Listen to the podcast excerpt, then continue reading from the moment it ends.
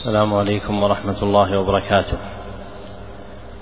الحمد لله رب العالمين وأشهد أن لا إله إلا الله وحده لا شريك له، وأشهد أن محمدا عبده ورسوله صلى الله عليه وسلم ما عقدت مجالس التعليم وعلى آله وصحبه المقدمين في مراتب التكريم، أما بعد فهذا هو الدرس الأول في الكتاب الأول من برنامج التعليم المستمر في سنته الأولى سنة ثلاثين بعد الأربعمائة والألف وهو كتاب تذكرة السامع والمتكلم في أدب العالم والمتعلم للعلامة محمد بن إبراهيم ابن جماعة الكناني رحمه الله تعالى. نعم. بسم الله الرحمن الرحيم. الحمد لله رب العالمين وصلى الله وسلم على نبينا محمد وعلى آله وصحبه أجمعين. اللهم اغفر لنا ولشيخنا وللحاضرين ولجميع المسلمين. قال المؤلف رحمه الله تعالى بسم الله الرحمن الرحيم. الحمد لله البر الرحيم الواسع العليم ذي الفضل العظيم. وأفضل الصلاة وأتم التسليم على سيدنا محمد النبي الكريم المنزل عليه في الذكر الحكيم وإنك لعلى خلق عظيم. وعلى آله وأصحابه الكرام جواره جواره في دار النعيم. أما بعد فإن من أهم ما يبادر به اللبيب شرخ شبابه ويذئب نفسه في تحصيله واكتسابه. حسن الأدب الذي شهد الشرع والعقل بفضله واتفقت الآراء والألسنة على شكر أهله. وإن أحق الناس بهذه الخصلة الجميلة وأولاهم بحيازة هذه المرتبة الجليلة. أهل العلم الذين حلوا به الذين حلوا به ذروة المجد والسناء وأحرزوا به قصبات السبق إلى وراثة الأنبياء. لعلمهم بمكارم أخلاق النبي صلى الله عليه وسلم وآدابه وحسن سيرة الأئمة الأطهار من أهل بيته وأصحابه وبما كان عليه أئمة علماء السلف واقتدى بهديهم فيه مشايخ الخلف. ذكر المصنف رحمه الله في هذه الجملة جلالة حسن الأدب وأهميته. فذكر أنه من أهم ما يبادر به اللبيب شرح شبابه ويدئب نفسه في تحصيله واكتسابه. واللبيب هو ذو اللب واللب العقل وشرح الشباب أوله. ومعنى قوله يدئب نفسه في تحصيله واكتسابه أي يجهد نفسه ويتعبها في تحصيله واكتسابه. فأهم ما يبادر به اللبيب أول عمره. ويجعل فيه قوته وجهده تحصيل واكتساب حسن الأدب الذي شهد الشرع والعقل بفضله واتفقت الآراء والألسنة على شكر أهله فالشرع والعقل متواطئان على بيان فضيلة الأدب والآراء والألسنة متفقتان على شكر أهله والآراء هي حكم الأذهان والألسنة هي حكم البيان فاجتمع حكم الأذهان وحكم البيان على شكر أهل الأدب. وأحق الناس بهذه الخصلة الجميلة في اكتساب الآداب وأولاهم بحيازة هذه المرتبة الجليلة هم أهل العلم المشتغلون بتحصيله فإن العلم جمال ولا يناسب الجمال إلا الجمال فحسن الأدب جمال في الظاهر والباطن يزداد به العلم جمالا. وقد قال في وصف أهل العلم قال الذين حلوا به ذروة المجد والسناء أي أعلى المجد والسناء فإن الذروة بضم الذال وتكسر وذكر الفتح أيضا هي أعلى الشيء. ومن وصفهم أيضا أنهم أحرزوا قصبات السبق. وقصبات السبق كانت العرب فيما سلف فيما تعقده من سباق تجعل غايته إلى قصبة أي نبات له ساق فإن القصبة اسم للنبات الذي له ساق طويل ومنه نبات القصب المعروف فالذي يسبق إلى هذه القصبة وينتزعها فهو المقدم على غيره. ثم استعمل هذا التركيب قصب السبق للدلالة على الجد والتشمير والاجتهاد. فإذا قيل فلان ممن حاز قصب السبق أي تقدم على غيره بجده واجتهاده وتشميره. وأهل العلم هم بعلمهم في ذروة المجد في ذروة المجد والثناء وقد أحرزوا أعظم السبق بما تحلوا به من وراثة الأنبياء. فإن العلم ميراث النبوة كما سيأتي. ويحدوهم إلى تحصيل حسن الأدب علمهم بمكارم أخلاق النبي صلى الله عليه وسلم وآدابه وحسن سيرة الأئمة الأطهار من أهل بيته وأصحابه وبما كان عليه أئمة علماء السلف واقتدى بهديهم فيه مشايخ الخلف فهم حينئذ أولى أن يسيروا بسيرهم وأن يهتدوا بهديهم وأن يمتثلوا طريقتهم. نعم. صلى الله عليه. قال ابن سيرين كانوا يتعلمون الهدي كما يتعلمون العلم. وقال الحسن إن كان الرجل ليخرج في أدب يكسبه السنين ثم السنين. وقال سفيان بن عيينة إن رسول الله صلى الله عليه وسلم هو الميزان الأكبر وعليه تعرض الأشياء على خلقه وسيرته وهديه فما, فما وافقها فهو الحق وما خالفها فهو الباطل. وقال حبيب بن الشهيد وقال حبيب بن الشهيد لابنه يا بني اصحب الفقهاء والعلماء وتعلم منهم وخذ من أدبهم فإن ذلك أحب إلي من كثير من الحديث. وقال بعضهم لابنه يا بني لأن تعلم بابا من الأدب أحب. لأن تعلم. تشديد اللام. يدل عليها مقابلها. أحب إلي من أن تتعلم. فهو بالإدغام لأن تعلم بابا. وقال بعضهم لابنه يا بني لأن تعلم بابا من الأدب أحب إلي من أن تتعلم سبعين بابا من العلم. وقال مخلد بن الحسين لابن المبارك نحن إلى كثير من الأدب أحوج منا إلى كثير من الحديث. وقيل للشافعي رضي الله عنه كيف شهوتك للأدب؟ قال أسمع بالحرف منه مما لم أسمعه فتود أعضائي أن لها أسماعا تتنعم به. قيل وكيف طلبك له؟ قال طلب المرأة المضلة ولدها وليس لها غيره. لما ذكر المصنف رحمه الله تعالى جلالة حسن الأدب وأهميته أردف ذلك بذكر جملة من الآثار المروية عن أئمة الهدى من التابعين فمن بعدهم في بيان علو حسن الأدب وأهميته. وقدم أولا قول ابن سيرين وهو محمد قال كانوا يتعلمون الهدي كما يتعلمون العلم والهدي اسم يطلقه السلف يريدون به الأدب وقد يطلقونه يريدون به ما يشمل الطريقة كلها فيقولون فلان على هدي حسن أي على طريقة حسنة وقد يقصدون به معنى خاصا يريدون به الأدب ومنه هذا المعنى في كلام ابن سيرين فإن ابن سيرين أراد بالهدي هنا الأدب لأنه ذكر بعض الطريقة بعده إذ قال كما يتعلمون العلم. وقوله كانوا أي المشيخة السابقة التي أدركها وهم الصحابة رضوان الله عنهم وكبار التابعين فإن كانوا إذا جاءت في الآثار الواردة عن التابعين وأتباع التابعين فمن بعدهم يراد بها أحد معنيين. أحدهما معنى عام. يراد به المشيخة المتقدمة ممن أدركهم المتكلم. فإذا كان المتكلم قد أدرك الصحابة صار مراده الصحابة. وإذا كان قد أدرك التابعين صار مراده التابعين وهلم صار مراده التابعين وهلم جرا. والثاني معنى خاص وهو إذا جاء في كلام إبراهيم النخعي قوله كانوا يفعلون أو كانوا يأمرون أو كانوا يرون فالصحيح أن إبراهيم النخعي إذا قال هذا فالمراد به أصحاب عبد الله بن مسعود في أصح قولي أهل العلم.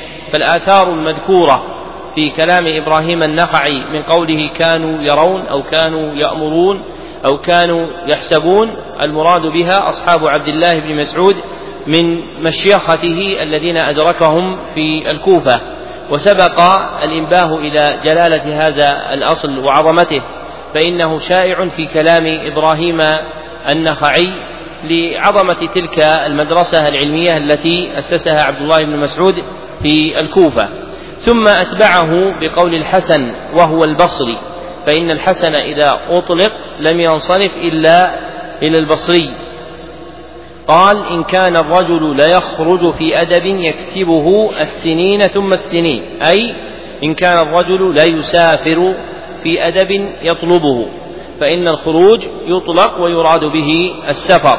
فمن جلالة الأدب أنهم كانوا يخرجون في طلبه سنين عددا. ثم ثلث بقول سفيان بن عيينة إن رسول الله صلى الله عليه وسلم هو الميزان الأكبر وعليه تعرض الأشياء على خلقه وسيرته وهديه فما وافقها فهو الحق وما خالفها فهو الباطل. وأراد بذلك بيان أن المعيار الأعظم في تجلية الآداب الفاضلة الكريمة هو ملاحظة هدي النبي صلى الله عليه وسلم في خلقه وسيرته وهديه. فما كان عليه النبي صلى الله عليه وسلم فهو أكمل من هدي غيره. وبه يعلم أن من طرائق غرس الآداب في النفوس الخبر عن هديه صلى الله عليه وسلم وسيرته وما كان عليه. فإن النفوس المؤمنة تتشوف إلى متابعة هديه صلى الله عليه وسلم في دقيق الأمور وجليلها. فإذا ذكر الخلق بما كان عليه صلوات الله وسلامه عليه من خلق كريم كان ذلك أحرى في قبولهم له وتتبعهم إياه صلى الله عليه وسلم. ثم ذكر أثرا رابعا. عن حبيب بن الشهيد رحمه الله أنه قال لابنه يا بني اصحب الفقهاء والعلماء وتعلم منهم وخذ من أدبهم فإن ذلك أحب إلي من كثير من الحديث. أي ما تأخذه من أدبهم وعلمه من أدبهم ودلهم وهديهم هو أحب إلي مما تأخذه من علمهم.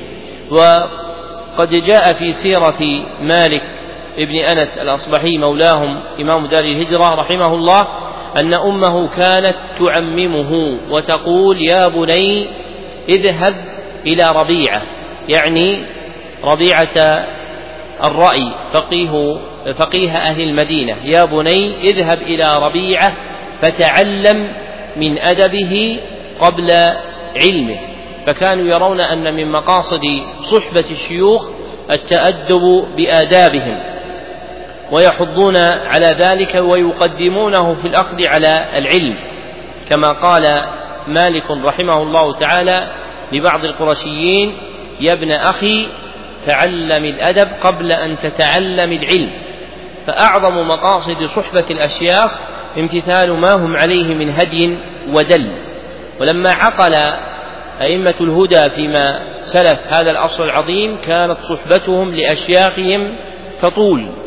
كما روى أبو نعيم الأصبهاني في كتاب الحلية بسند صحيح عن العباس بن عبد العظيم عن مالك بن أنس قال كان الرجل يختلف إلى الرجل ثلاثين سنة يتعلم منه العلم ومرادهم بهذه الصحبة ملاحظة أحوالهم والتحلي بكمالاتهم ومراقبة هديهم ودلهم في تعليمهم وإرشادهم وإفتائهم وما يكونون عليه في أوقات النوازل والشدائد فإن هذا المعنى من أعظم معاني صحبة الأشياخ. ثم أتبعه بأثر خامس عن بعضهم أنه قال لابنه يا بني لأن تعلم بابا من الأدب أحب إلي من أن تتعلم سبعين بابا من العلم. وفيه بيان جلالة الأدب حتى قدم تعلم الباب الواحد منه على تعلم سبعين بابا من العلم لأن انتفاع الإنسان بالأدب أعظم من انتفاعه بالعلم. بل لا يصل الإنسان إلى مقصوده من العلم إلا بالأدب. كما قال يوسف بن الحسين رحمه الله بالأدب تفهم العلم. ومعنى هذه الجملة أحد شيئين.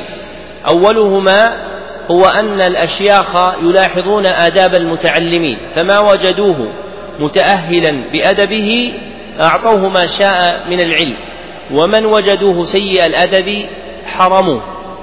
والثاني أن الله سبحانه وتعالى يلاحظ في خلقه هذا المعنى فمن كان حسن الأدب فتح له أبواب الفهم لأن العلم حر مصون لا يجعله الله سبحانه وتعالى عند كل أحد وإنما يضعه سبحانه وتعالى في النفوس الصالحة له. فإنه ميراث النبوة.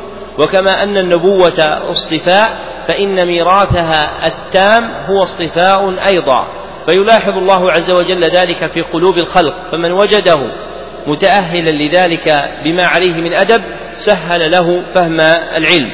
ثم أتبعه بأثر سادس عن مخلد بن الحسين أنه قال للمبارك نحن إلى كثير من الأدب أحوج منا إلى كثير من العلم. هذا يقوله في زمانه وأهله فكيف القول في زماننا وأهله؟ فصدق الضمير نحن علينا أصدق من صدقه عليهم رحمهم الله تعالى فلنحن أحوج إلى كثير من الأدب منا إلى كثير من العلم كما قال ابن المبارك رحمه الله تعالى لا تأتين بذكرنا مع ذكرهم ليس الصحيح إذا مشى كالمقعد وقد أشرف الليث بن سعد رحمه الله تعالى على بعض أصحاب أهل الحديث فكأنه كره منهم شيئا فقال أنتم إلى يسير من الأدب أحوج منكم إلى كثير من الحديث الذي تطلبون. فحاجة الإنسان إلى الأدب عظيمة جدا. ثم ختم بأثر سابع عن الشافعي رحمه الله تعالى أنه سئل كيف شهوتك للأدب؟ والمقصود بالشهوة كيف ميل قلبك وطلبته للأدب فإن المطلوبات من المرادات لا تتحرك إلا بحب وإرادة ومن جملة ذلك الشهوة التي تعترم الإنسان في طلب أمر ما ومن جملة تلك الشهوات شهوة العلم وهي موجودة في كلام كثير من أعلام الهدى رحمهم الله تعالى وهي من أجل الشهوات النفسية. فأجاب رحمه الله تعالى عن ذلك فقال أسمع بالحرف منه والحرف عندهم أشمل من المعنى الذي قصر عليه عند المتأخرين فإنهم قد يريدون بالحرف الجزء من الكلمة وقد يريدون بالحرف الكلمة وقد يريدون بالحرف الجملة من الكلام وقد يريدون بالحرف الكلام كله ويطلقون على أمر مستطيل مستطيل من الكلام حرفا كما سميت القراءات حروفا بهذا الاعتبار.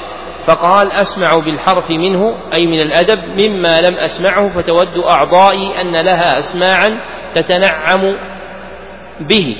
فجعل من شهوته في طلب الأدب أن يود أن يكون لأعضائه كلها أسماع كي تتنعم بلذة ما تسمعه من الأدب.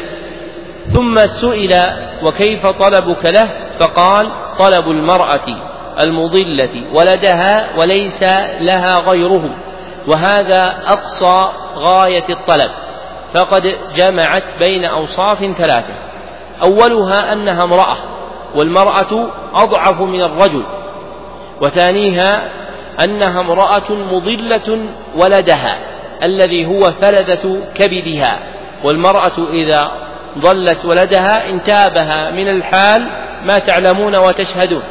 ثم هي امرأة أضلت ولدا ليس لها غيره. فهي إذا فقدت هذا الولد لم تجد بعده معينا وناصرا ووليا من الذرية فهو ولدها الوحيد. وهذه الحال هي أبلغ ما تكون في طلب المقصود. فكانت حال الشافعي رحمه الله تعالى في طلب الأدب هذه الحالة العظيمة. وإذا أردت أن تعرف حالنا وحالهم فانظر إلى حالك أثناء استذكارك لاختباراتك في مقرراتك الدراسية النظامية فإنك تجد فيها من الإقبال وشدة الطلب معنى لا تجده في غيره. وكانت تلك حالهم رحمهم الله تعالى. فإنهم كانوا يحفظون ويتذاكرون ويطالعون ولهم نهمة شديدة في ذلك دون ملاحظة حال امتحان ترجى إليها فصل أحوالهم في الدنيا. وإنما كان طلبهم للعلم لذة وتنعما به دون سائق يسوقهم إليه بمثل ما يساق إليه الناس من الترغيب والترهيب في الدراسة النظامية. وهكذا ينبغي أن يكون طالب العلم متحليا بطريقة السلف رحمهم الله تعالى في شدة حرصه وطلبه للعلم. فإن المرء إذا كان له شهوة في العلم أعانه ذلك على فهمه. فإن المرء إذا لم تكن له شهوة وميل لم يستطع الفهم. وإذا كان له شهوة وإرادة وميل ورغبة فيما يطلب كان ذلك من أعظم ما يعينه على تحصيل مقصوده. وإذا حجب الإنسان عن هذه الشهوة والطلبة فإنه لا ينال مقصوده مما طلب. وقد لقيت رجلا أقام ثلاثين سنة في ألمانيا وهو لا يحسن إلا ألفاظا يسيرة من اللغة الألمانية. فسألته كيف عشت هناك ولم تتعلم اللغة. فقال إن الإنسان إذا لم تكن له إرادة لم يتعلم. وصدق. فإن هذا الرجل لم تكن له إرادة في تعلم تلك اللغة ولا رغبة فيها فلم يتعلمها. فإذا كان للإنسان رغبة وإرادة وميل وشهوة في طلب شيء ما حصله. ومن جملة ذلك العلم. فينبغي أن يذكي الإنسان في قلبه شهوة طلبه وأن يؤنس التلذذ بهذه اللذة العظيمة في تفتيش العلم وجمعه فإنها من أعظم اللذات النفسانية. نعم. صلى الله عليه ولما بلغت رتبة الأدب هذه المزية وكانت مدارك مفصلاته خفية دعاني ما رأيت من احتجاج من احتياج الطلبة إليه وعسر تكرار توقيفهم عليه إما لحياء فيمنعهم الحضور أو لجفاء فيورثهم النفور. إلى جمع هذا المختصر مذكرا للعالم ما جعل إليه. ومنبها للطالب على ما يتعين عليه وما يشتركان فيه من الأدب وما ينبغي سلوكه في مصاحبة الكتب. ثم أدب من يسكن المدارس منتهيا أو طالبا لأنها مساكن طلبة العلم في هذه الأزمنة غالبا. وجمعت ذلك مما اتفق في المسموعات أو سمعته من المشايخ السادات أو مررت به في المطالعات أو استفدته في المذاكرات وذكرته محذوف والأدلة كي لا يطول على مطالعه أو يم أو يمل له وقد جمعت فيه بحمد الله تعالى من تفاريق آداب هذه الأبواب ما لم أره مجموعا في كتاب. وقدمت على ذلك بابا مختصرا في فضل العلم والعلماء على وجه التبرك والاقتداء. قد رتبته على خمسة أبواب تحيط بمقصود الكتاب. الباب الأول في فضل العلم وأهله وشرف العالم ونبله. الباب الثاني في آداب العالم في نفسه ومع طلبته ودرسه.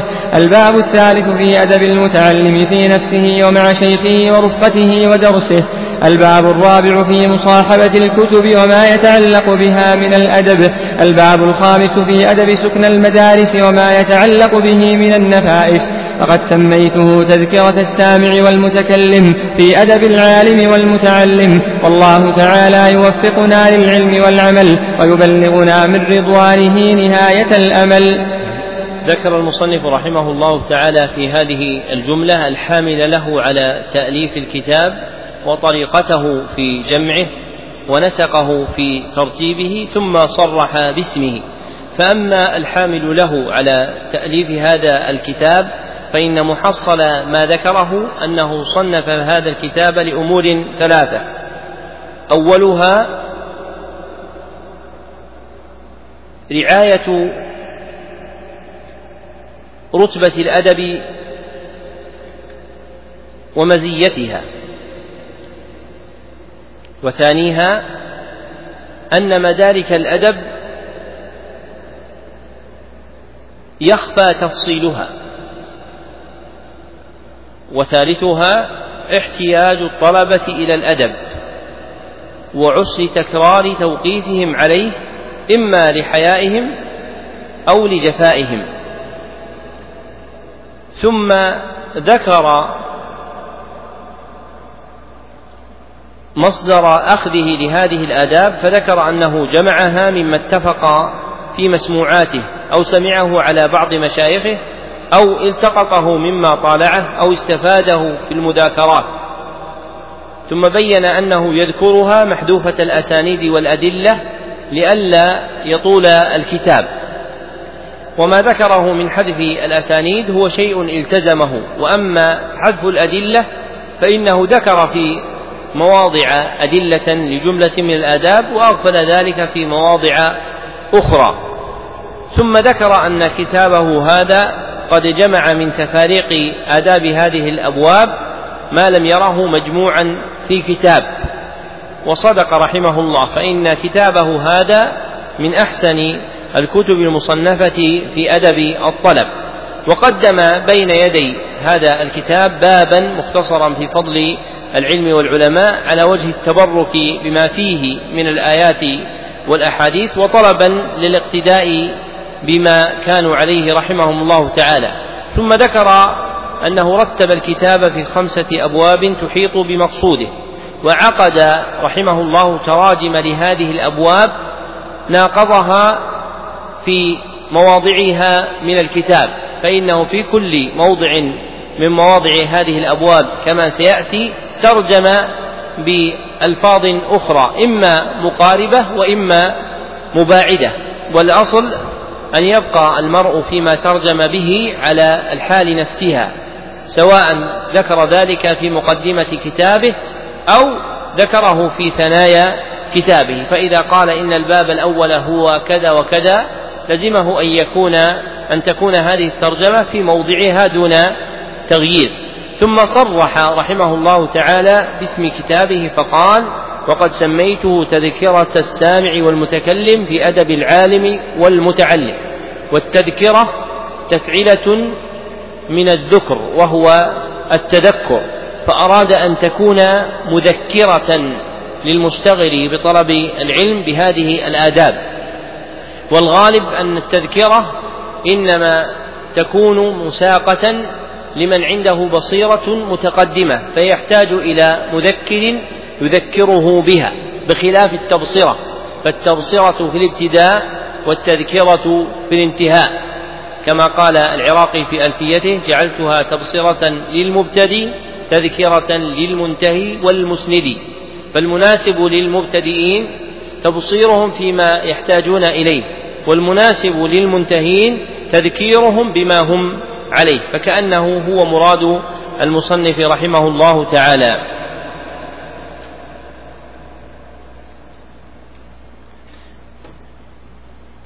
نعم.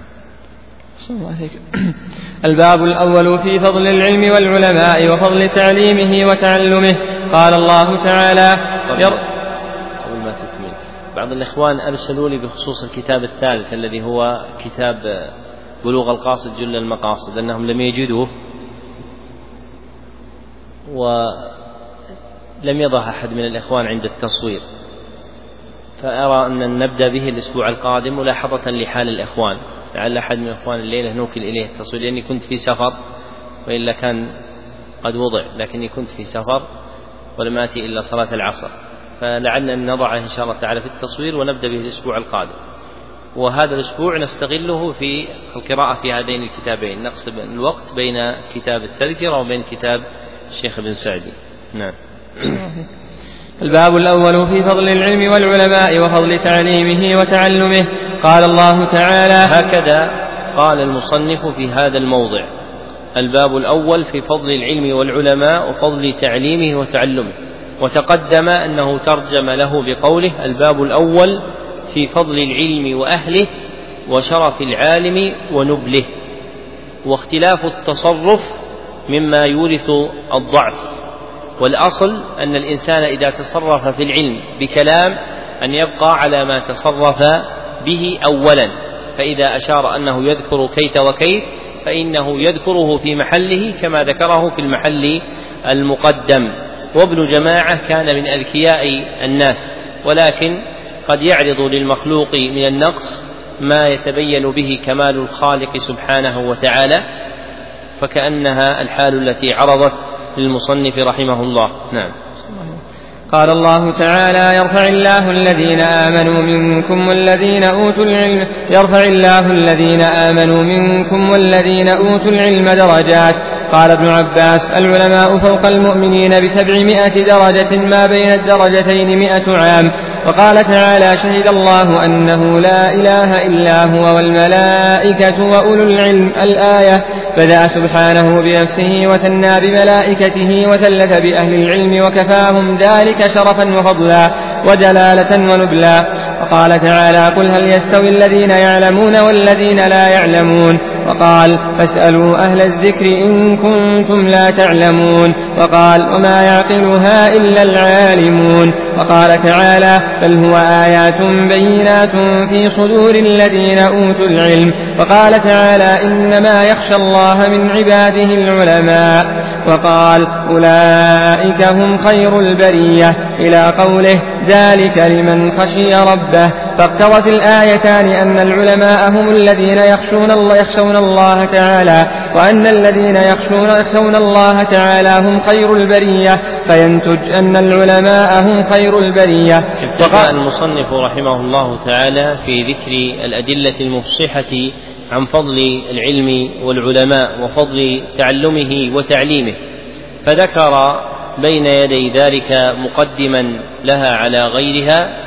آية من القرآن الكريم عدتها سبع آيات. أولها قول الله تعالى يرفع الله الذين آمنوا منكم والذين أوتوا العلم درجات وفضيلة العلم فيها بما ذكر الله سبحانه وتعالى من رفعة أهل العلم بالدرجات وقد روي عن ابن عباس أنه قال العلماء فوق المؤمنين بسبعمائة درجة ما بين الدرجتين مئة عام. والمقطوع به وجود الرفعة وأما ترتيب قدرها فلم يثبت فيه شيء لا عن ابن عباس ولا عن غيره من أهل العلم رحمهم الله تعالى. وقد ذكر الله سبحانه وتعالى هذه الرفعة في موضع آخر فقال نرفع درجات من نشاء قال مالك بن أنس في تفسير هذه الآية نرفع درجات من نشاء. قال زيد بن أسلم بالعلم. رواه الإمام أحمد في مسنده في مسند عثمان بن عفان من المسند وإسناده صحيح. وذكر ابن القيم رحمه الله تعالى في مفتاح دار السعادة أن الله سبحانه وتعالى لم يذكر في القرآن الرفعة إلا بالإيمان والعلم. فأعظم ما تحصل به الرفعة في الدنيا والآخرة هما هذان الأمران العظيمان العلم والإيمان. ثم ذكر آية ثانية في فضل العلم هي قول الله تعالى شهد الله أنه لا إله إلا هو. الآية واستنبط المصنف رحمه الله تعالى شرف أهل العلم منها بقوله بدأ سبحانه بنفسه وثنى بملائكته وثلث بأهل العلم. فجعل المبين لفضل أهل العلم أن الله سبحانه وتعالى ثلث بهم بعد البداءة بنفسه والتثنية بملائكته. وأحسن من هذا أن يقال إن الله سبحانه وتعالى قرن شهادتهم بشهادته وشهادة ملائكته على وحدانيته. فإن معنى الاقتران لا تظهر فيه فضيلة عظمى وإنما الفضيلة العظمى في كونهم شهودا. أشهدهم الله سبحانه وتعالى على أمر عظيم هو وحدانية الله سبحانه وتعالى. وهذه الآية تدل على فضل العلم وشرف أهله من عشرة وجوه.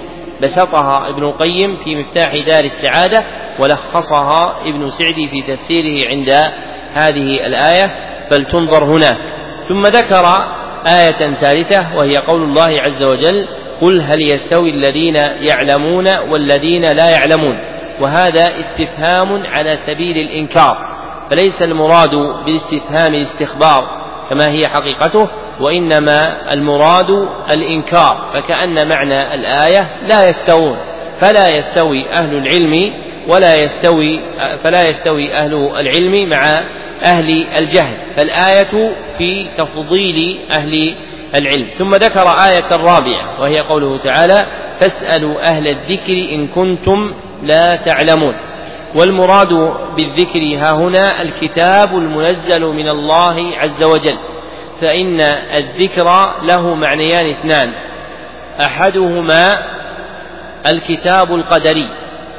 ومنه قوله تعالى ولقد كتبنا في الزبور من بعد الذكر فإن الذكر في هذه الآية يراد بها الكتاب القدري وهو اللوح المحفوظ. والثاني أن الذكر الكتاب الشرعي المنزل من الله تعالى ومنه التوراة والإنجيل كما في هذه الآية فإنها هي المرادة في السياق ومنه القرآن كما في قوله تعالى إنا نحن نزلنا الذكر وإنا له لحافظون ذكر هذين المعنيين للذكر ابن القيم رحمه الله تعالى. ثم ذكر آية خامسة في فضل العلم وهي قول الله تعالى وما يعقلها إلا العالمون بعد قوله عز وجل وتلك الأمثال نضربها للناس وما يعقلها إلا العالمون وفي هذا بيان شرف العلم لأن أهل العلم هم أهل العقل. فالأمثال التي يضربها الله سبحانه وتعالى لا يعقلها ويفهم مغزاها ومرادها إلا أهل العلم ففي ذلك وصفهم بالعقل الكامل بخلاف غيرهم فإنه لا عقل فإنهم لا عقل لهم. ثم ذكر آية سادسة وهي قوله تعالى بل هو آيات بينات في صدور الذين أوتوا العلم. والمراد بقوله تعالى بل هو آيات بينات الضمير راجع إلى القرآن الكريم. فالقرآن الكريم آيات بينات في صدور الذين أوتوا العلم. وهذه الآية في السياق متعلقة بالنبي صلى الله عليه وسلم فهو وصف بمحل الآيات البينات منه صلى الله عليه وسلم. ولذلك جعل الطاهر بن عاشور في تفسيره الجمع في هذه الآية للتعظيم لأن المراد بذلك هو النبي صلى الله عليه وسلم. فجمع صدره ثم ذكر الاسم الموصول الدال على الجمع وهو الذين تعظيما للنبي صلى الله عليه وسلم. وهذا الذي قاله الطاهر بن عاشور صحيح باعتبار دلالة السياق فإن سياق الآيات متعلق به صلى الله عليه وسلم. وباعتبار المعنى فإنه إذا صح ذلك له صلى الله عليه وسلم فإنه يصح لكل من كان متبعا له من أهل القرآن. من أهل العلم به وتفسيره والعمل به فالقرآن في حقهم آيات بينات في صدورهم. وهذه الآية ذكر الله عز وجل فيها المحل الأوسع لنزول القرآن على النبي صلى الله عليه وسلم وأنه الصدر. ثم ذكر في آية أخرى محلا أخص من ذلك فقال سبحانه وتعالى نزل به الروح الأمين على قلبك. لتكون من المنذرين. فذكر ما هو أخص من الصدر وهو القلب. فإنزال القرآن على النبي صلى الله عليه وسلم محله القلب من الصدر كله. ثم ذكر في آية ثالثة محلا أخص وهو الفؤاد فقال تعالى كذلك لنثبت به فؤادك. والفؤاد أخص من القلب فإنه بعض القلب. فإنزال القرآن محله وإدراكه من النبي صلى الله عليه وسلم هو الفؤاد الكائن في القلب الكائن في الصدر. وذكر في هذه الآية بل هو آيات بينات في صدور الذين أوتوا العلم ذكر المحل الأوسع الأرحب ثم بين في آية الشعراء بين فيها محله من الصدر وهو القلب ثم بين ثالثا محله من قلب النبي صلى الله عليه وسلم وهو فؤاده. ثم ذكر المصنف رحمه الله تعالى آية سابعة وهي قول الله تعالى إنما يخشى الله من عباده العلماء. ومعنى هذه الآية أن العلماء هم أهل خشية الله سبحانه وتعالى وإنما كانوا أهل خشيته لأن قلوبهم تجتمع على خوف مقرون بعلم. فإن الخوف عبادة من العبادات التي تعبد الله عز وجل بها خلقه ثم قسم سبحانه وتعالى بينهم حظوظهم منها ومن جملة هذه الحظوظ الخشية فإن الخشية مختصة بالخوف المقترن بالعلم ولا يكون هذا إلا للعلماء ولذلك خص الله عز وجل هذه العبادة بهم. وكونهم أهل خشية الله سبحانه وتعالى يستحقون الجزاء الوارد في سورة البينة إذ وصفهم الله عز وجل في أهل خشيته فقال أولئك هم خير البرية فالعلماء الذين هم أهل الخشية هم خير البرية ولهم من الجزاء ما ذكر الله سبحانه وتعالى في آخر سورة البينة. وهؤلاء الآيات السبع هي من جملة الآي الكثيرة الدالة على فضل العلم وشرف أهله. وقد بسط ابن القيم رحمه الله تعالى الأدلة القرآنية على فضل العلم في كتاب مفتاح دار السعادة بسطا لا تراه لغيره. فكتابه هو أوسع الكتب التي ذكرت فضائل العلم الواردة في القرآن الكريم أولا ثم أتبعها بعد ذلك بذكر فضائل القرآن الكريم في سنة النبي صلى الله عليه وسلم. نعم. صلى الله عليه وسلم. فقال رسول الله صلى الله عليه وسلم من يرد الله به خيرا يفقهه في الدين وعنه صلى الله عليه وسلم العلماء ورثة الأنبياء وحسبك بهذه الدرجة مجدا وفخرا وبهذه الرتبة شرفا وذكرا فكما لا رتبة فوق رتبة النبوة فلا شرف فوق شرف وارث تلك الرتبة. وعنه صلى الله عليه وسلم لما ذكر عنده رجلان أحدهما عابد والآخر عالم. فقال فضل العالم على العابد كفضلي على أدناكم. وعنه صلى الله عليه وسلم من سلك طريقا يطلب فيه علما سلك به طريق من طرق الجنة. وإن الملائكة لتضع أجنحتها لطالب العلم لرضا الله عنه. وإن العالم يستغفر له من في السماوات ومن في الأرض حتى الحيتان في جوف الماء. وإن فضل العالم على العابد كفضل القمر ليلة البدر على سائر الكواكب. وإن العلماء ورثة الأنبياء. وإن الأنبياء لم يورثوا دينارا ولا درهما. وإنما ورثوا العلم فمن أخذه أخذ بحظ وافر. واعلم أنه لا رتبة فوق رتبة من تشتغل الملائكة وغيرهم بالاستغفار والدعاء له وتضع له أجنحتها وإنه لينافس في دعاء الرجل الصالح أو من يظن صلاحه فكيف بدعاء الملائكة؟ وقد اختلف في معنى وضع أجنحتها فقيل التواضع له وقيل النزول عنده والحضور معه وقيل التوقير والتعظيم له وقيل معناه تحمله عليها فتعينه على بلوغ مقاصده. وأما إلهام الحيوانات بالاستغفار لهم فقيل لأنها خلقت لمصالح العباد ومنافعهم والعلماء هم الذين يبينون ما يحل منها وما يحرم ويوصون بالإحسان إليها ونفي الضرر عنها. وعنه صلى الله عليه المصنف رحمه الله تعالى من ذكر الأدلة القرآنية أتبعها بجملة من الأحاديث النبوية. جعل صدرها قول النبي صلى الله عليه وسلم من يرد الله به خيرا يفقهه في الدين المخرج في الصحيحين. وفيه بيان فضيلة الفقه في الدين وأن من أراد الله عز وجل به خيرا يسر له الفقه في الدين. وتقدم أن الفقه هو إدراك خطاب الشرع مع العمل به. قد نقل ابن القيم رحمه الله تعالى في مفتاح دار السعادة إجماع أهل العلم على أن اسم الفقه لا يكون إلا إذا اجتمع العلم مع العمل. ثم أتبعه بحديث ثان وهو وعنه صلى الله عليه وسلم العلماء ورثة الأنبياء فهو قطعة من حديث يأتي قريبا.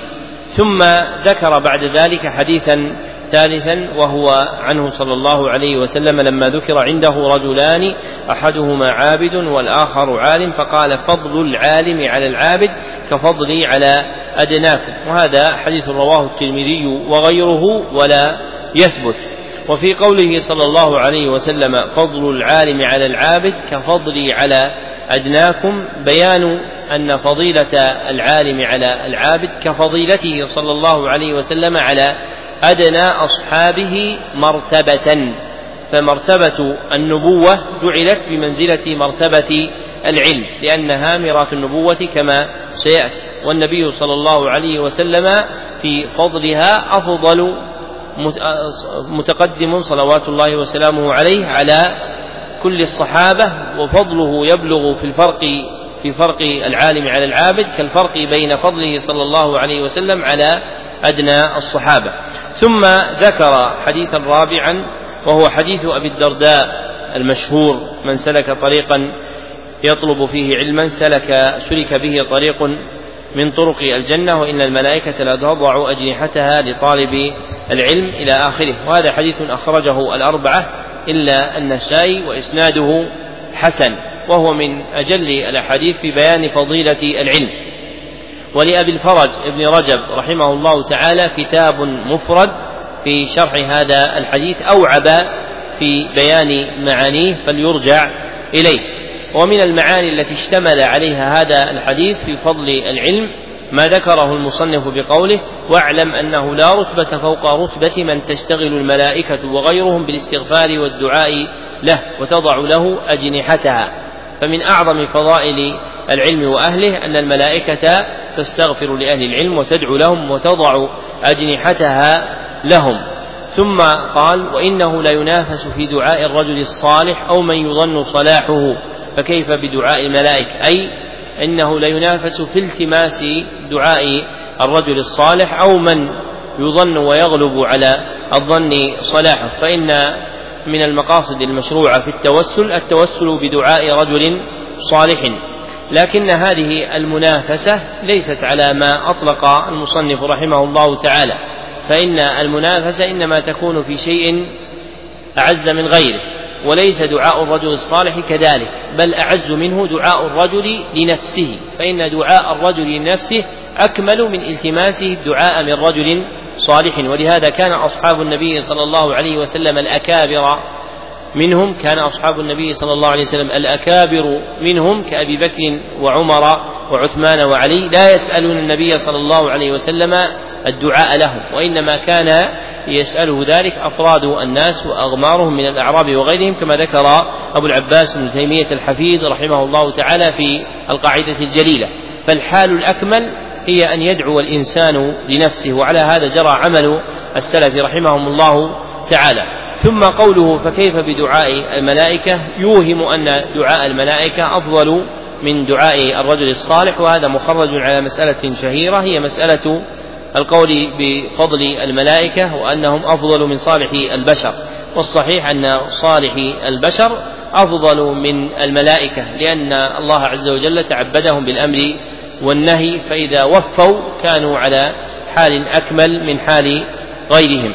ثم ذكر بعد ذلك الاختلاف في معنى وضع الأجنحة فقال فقيل التواضع له وقيل النزول عنده والحضور معه وقيل التوقير والتعظيم له وقيل معناه تحمله عليها فتعينه على بلوغ مقصوده. وهذه المعاني التي ذكرها رحمه الله تعالى كلها مما يدخل في جملة معنى وضع الأجنحة. وأما الأخير وهو الحمل فيحتاج إلى دليل مصرح بأنها تحمله وتعينه على بلوغ مقاصده. وإنما الذي جاء به الدليل هو الوضع والوضع إنما يراد به التواضع والحضور معه والتوقير والتعظيم فهذه المعاني دلت عليها أدلة أخرى. أما المعنى الأخير فإنه يفتقر إلى دليل يدل عليه. ثم ذكر أن السر في إلهام الحيوانات بالاستغفار لهم لأنها خلقت لمصالح العباد ومنافعهم والعلماء هم الذين يبينون ما يحل منها وما يحرم ويوصون بالإحسان إليها ونفي الضرر عنها. وبكلام مختصر يقال إن الحامل للحيوانات على الاستغفار لهم هو أن جميع ما يصلها من الإحسان هو بسبب تعليم العلماء فما يصلها من إحسان في الصيد أو إحسان في القتلة أو إحسان في السقيا والإطعام فكله بتعليم العلماء فألهمت الحيوانات الاستغفار لهم لما أوصلوا إليها من خير بما علموا الناس من وجوه الإحسان إلى الحيوانات وهذا آخر ما يحتاج إليه من بيان هذه المعاني من الكتاب الأول.